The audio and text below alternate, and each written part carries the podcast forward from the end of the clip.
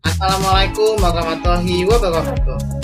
Selamat datang di Cerita Wifi, podcast dari LDF Wifi. Di podcast ini, kita akan membahas seputar nilai-nilai Islam dan ilmu-ilmu lain yang pastinya bakal berguna di kehidupan. Selamat mendengarkan. Bismillah. Hai, Assalamualaikum warahmatullahi wabarakatuh. Selamat datang dan kembali lagi di Cerita Wifi dari LDF Wifi. Gimana nih kabar pendengar Cerita Wifi semuanya? Semoga sehat selalu ya. Sebelumnya, kenalin nih nama aku Karina Amelia dari Program Studi Teknik Informatika Universitas Sriwijaya Angkatan 2020. Nah, kali ini aku bakal ditemenin sama pemateri yang luar biasa, yaitu ada Kak Marita. Halo Kak Marita. Iya, halo. Gimana Halo kabarnya? semuanya. Gimana, gimana kabarnya Kak? Alhamdulillah kabar sehat nih. Kalau kamu gimana, Rin? Alhamdulillah luar biasa, Masya Allah. Oh iya Kak, boleh dong kenalan dulu sama teman-teman podcastnya. Wah, boleh banget ya. Kita kenalan dulu nih biar saling mengenal satu sama lain ya. Tapi eh, sebelumnya aku mau ucapin terima kasih dulu buat kakak-kakak Wifi dan juga teman-teman ataupun panitia dan moderator kita sekarang nih eh, sudah kasih kesempatan buat aku untuk podcast di sini. Mungkin kita sharing-sharing aja dulu ya tentang pengalaman ataupun pengetahuan yang aku punya. Eh, dengan tujuan semoga bisa bermanfaat baik untuk aku sendiri ataupun orang lain yang mendengarkan. Yang mendengarkan. Nah, jadi nama aku Marita Santi dari Program Studi Komputerisasi Akuntansi angkatan tahun 2020. Gitu, Karin. Wah, Kak Marita. Jadi, kakak udah tahu belum kita di episode ini mau ngebahas apa? Oh, nggak tahu emang apa ya? Oh, jadi di episode ini kita bakal ngebahas tentang suatu materi yang menarik banget sih, Kak. Teruntuk eh, khususnya untuk mahasiswa baru atau maba yang ingin tahu nih atau ingin punya gambaran tentang dunia perkuliahan itu seperti apa sih? Jadi di episode kali ini kita bakal ngebahas tentang adaptasi perkuliahan bagi mahasiswa baru. Menarik kan, Kak, materinya? Wah, bagus banget itu temanya, Kak. Kayak pas gitu, suasana sekarang kan juga lagi masuk tahun ajaran baru ya. Jelas pasti para mama-baba berkeliaran nih. Iya bener banget kak. Jadi gini kak, pasti semuanya kan udah tahu nih kalau sekarang ini kan lagi musimnya penerimaan mahasiswa baru.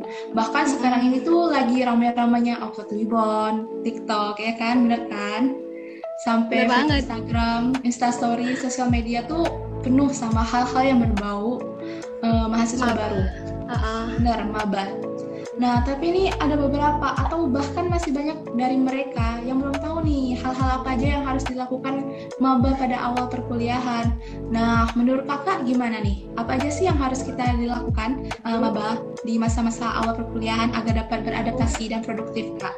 Oh, mantap, mantap pertanyaannya. Jadi gini ya, menurut aku yang paling penting itu persiapan dalam segi mental dulu.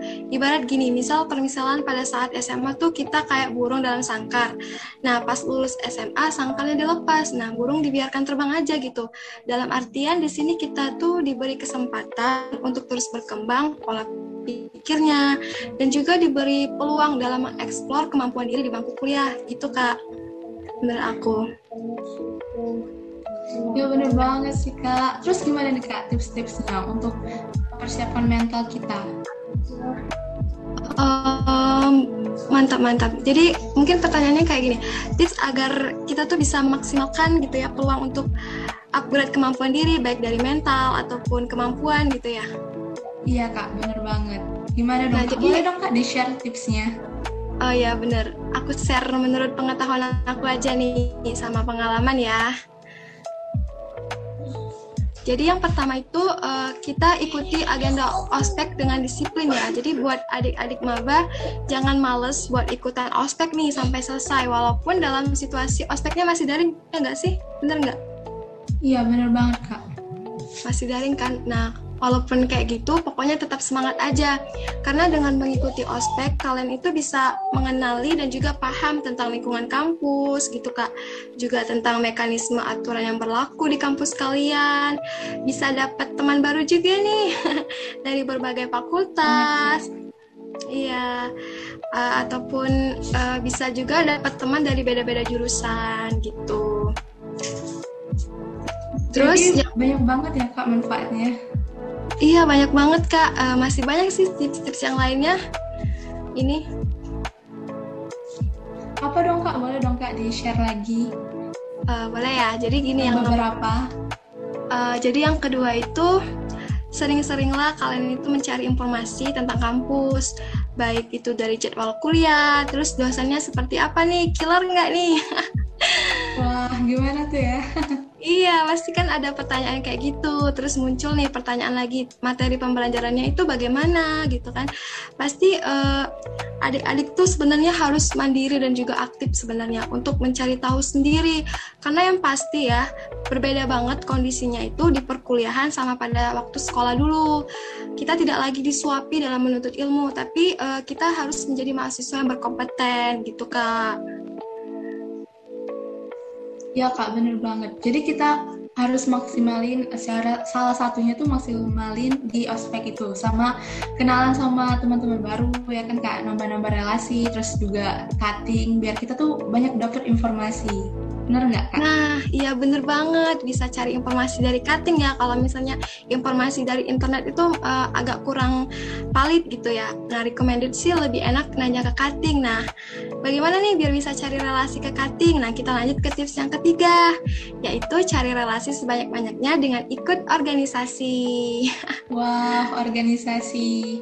Banyak banget sih kayak manfaat organisasi gitu.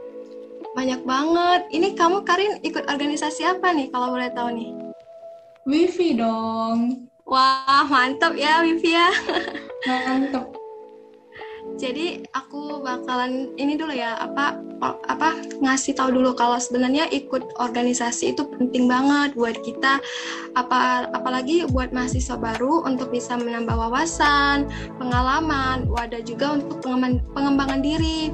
Kalian juga bisa menjalin tadi nih pertemanan dengan kakak tingkat dan juga bisa akrab nih dengan teman-teman yang beda jurusan. Seperti kita ya Karin ya. Kita beda jurusan loh ini. Iya bener banget kak. Iya gitu. Pokoknya buat adik-adik maba jangan takut untuk bergaul dengan kakak tingkat karena kakak tingkat itu bisa membantu kalian agar bisa mud lebih mudah beradaptasi terhadap dunia perkuliahan gitu. Yups, Mungkin... bener banget kak ya. Yups. Jadi nggak usah malu-malu gitu kak ya karena itu juga nambah pertemanan. Jadi kalau misalnya kita ada kesusahan atau bisa minta tolong gitu kan sama kakak tingkat, bener banget. Bisa banget, kakak tingkat itu baik loh. Lanjut nih kak, uh, boleh di-share awal itu gimana sih? Uh, suka duka sebenarnya menurut sih menjadi mahasiswa itu lebih banyak sukanya ya. Karena mahasiswa itu kayak anugerah terbesar dan patut kita syukuri. Karena tidak banyak orang di sekeliling kita itu bisa merasakan hal yang sama gitu loh kak. Jadi lebih banyak uh, sukanya kalau menurut aku. Kalian itu harus melatih sabar aja gitu biar bisa merasakan enak-enaknya menjadi mahasiswa. Sukanya itu aku sebutin ya mungkin bisa lebih banyak teman baru terus lingkungan kita itu pergaulannya sehat. Nah, terus kegiatan menjadi mahasiswa itu hmm, banyak menghasilkan energi yang positif, terus juga terlatih agar pola pikir kita itu terbuka, tata cara berbicara kita juga berbobot sesuai fakta gitu, nggak nggak apa ya, nggak ngomong hoax gitu loh, nggak menyebarkan info-info yang noh itu apa info berbobot. Kita juga bisa lebih mudah menerima pendapat orang lain. Itu sukanya sih kalau menurut aku kak. Nah kalau dukanya mungkin uh, karena kondisi daring kayak gini jadi kayak terpaku banget loh sama jaringan internet. Bener nggak sih? Bener banget kak. Masih banyak banget yang teman-teman bahkan yang susah harus keluar kalau mau internet. Terus juga kalau misalnya uh, dosen ngasih materi kadang tuh nge-lag kan jadinya kita ketinggalan materi sih bener iya agak susah gitu. Bener banget kayaknya pengalaman nih Karin nih iya bener banget. Bahkan uh, kadang kan tuh telat ngumpul tugas ya uh, gara-gara sinyalnya gitu. Filenya tuh terlalu besar gitu. Jadi pas iya, diupload lama gitu. Bener iya bener banget. Itulah karena terpaku banget itu loh sama internet lagi-lagi pakai jaringan. Kalau misalnya kita nih ada teman-teman yang lagi tinggal di pelosok kan susah sinyal tuh. Wah itu uh, kendala banget mungkin buat mereka ya. Iya uh, terus banget, kak. ya terus juga gini loh kalau menurut aku kan karena daring jadi kayak kita tuh mahaminnya tuh cuma lewat zoom aja gitu zoom atau google meeting kayak mahaminnya itu kayak apa ya nggak ada interaksi gitu loh kontak langsung dari dosennya. Jadi susah buat kita uh, kalau misalnya ada yang kurang ngerti buat nanya langsung gitu kan.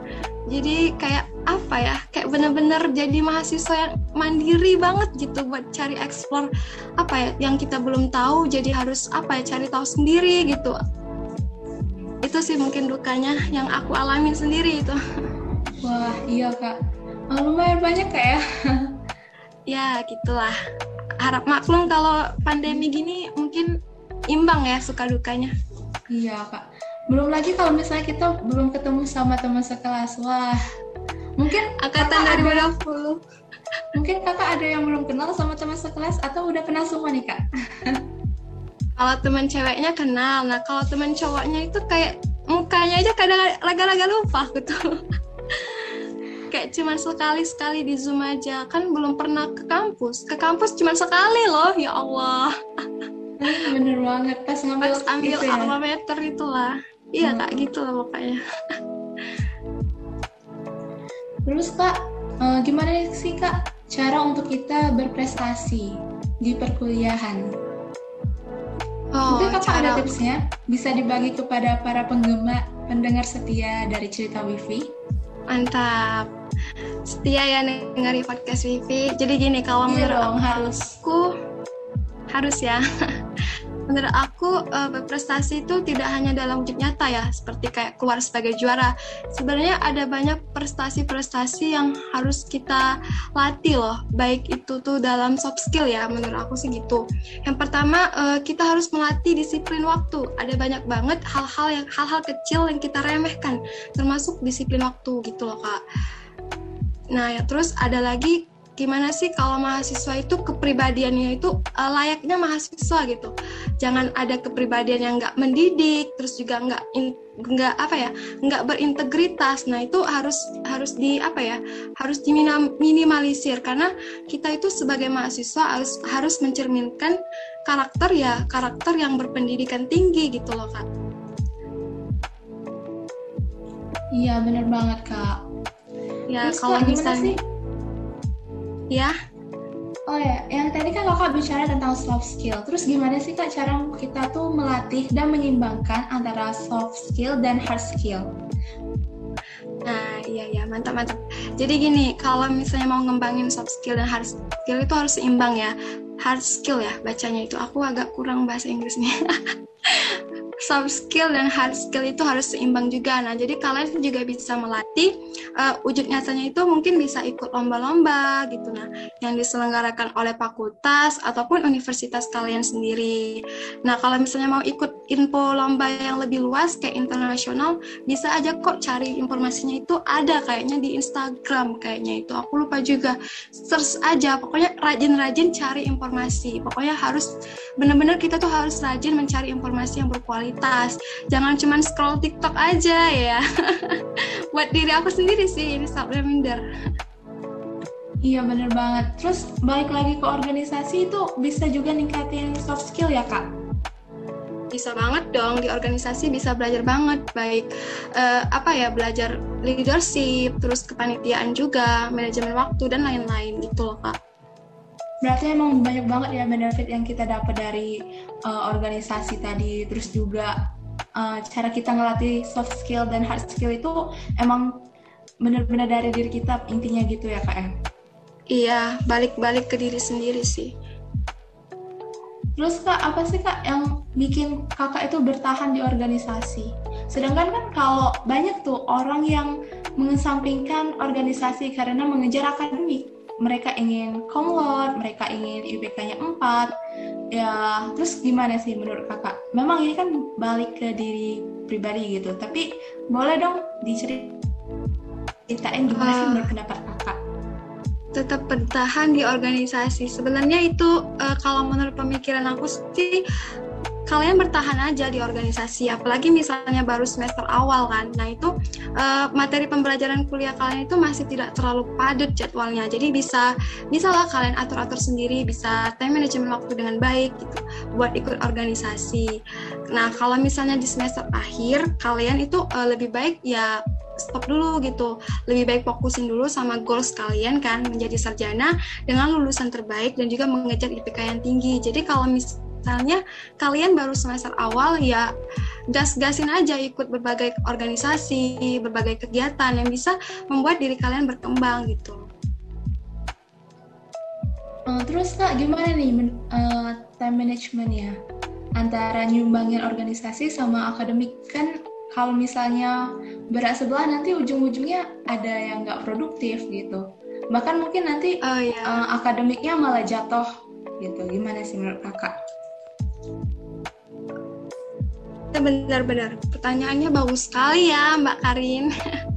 Jadi gini, tips-tips manajemen waktu ya mungkin. Jadi kalau menurut aku sih yang pertama itu yang paling penting banget ya, jaga kesehatan dan pola tidur. Itu benar-benar poin utama yang terpenting yang sering kita remehkan gitu ya.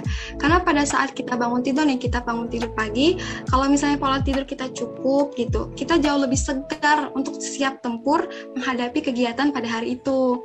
Nah, terus yang kedua eh, apa ya? Membuat perencanaan mungkin. Jadi di list-list tuh kegiatan yang harus dikerjakan terlebih dahulu. Kalian pilih-pilih yang mana yang waktu pengerjaannya itu yang apa mendekati deadline gitu. Terus yang ketiga apa ya? Jangan menunda pekerjaan. Kalian itu sama sekali nggak boleh nunda pekerjaan walaupun hanya satu menit, bayangin. Jadi itu sama aja kayak korupsi waktu loh, tapi bukan korupsi uang ya. Iya bener banget kak jadi ada banyak macam korupsi itu. Nah terus yang terakhir mungkin uh, kalian itu lebih ke fokus dalam tujuan dan juga berani mengambil keputusan gitu. Kalau menurut aku sih itu ya Rin. Wah, keren keren Kak. Nah, jadi untuk uh, teman-teman yang denger kalau yang suka nunda-nunda ya udah, kalau udah denger ayo langsung kerjain gitu. Karena masih banyak ya, banget ya tugas-tugas yang selanjutnya selanjutnya ujung-ujungnya nanti malah numpuk gitu-gitu. Ah, ah bener dan akhirnya teman-teman. Dan akhirnya nggak ada yang maksimal gitu ya. Jangan jadi koruptor waktu ya. Ingat tuh, wah, udah ditegur jangan jadi koruptor waktu. Korupsi Siap. banyak. jangan korupsi waktu. Yang lain juga jangan sih. ya, nanti kita bahas di sebelah aja. Oke, okay. uh, kak, uh, yang terakhir nih kak, gimana sih yeah. cara uh, agar produktif di kuliah daring? Uh, agar produktif di kuliah daring. Jadi aku sama-sama belajar juga ya agar sama-sama produktif kita nih. Mungkin uh, yang pertama nih gini loh, teman-teman. Kalian itu harus mencatat materi yang disampaikan oleh dosen. Karena misalnya kalau ada beberapa materi yang kalian belum paham jadi bisa lebih mudah untuk diulangi kembali.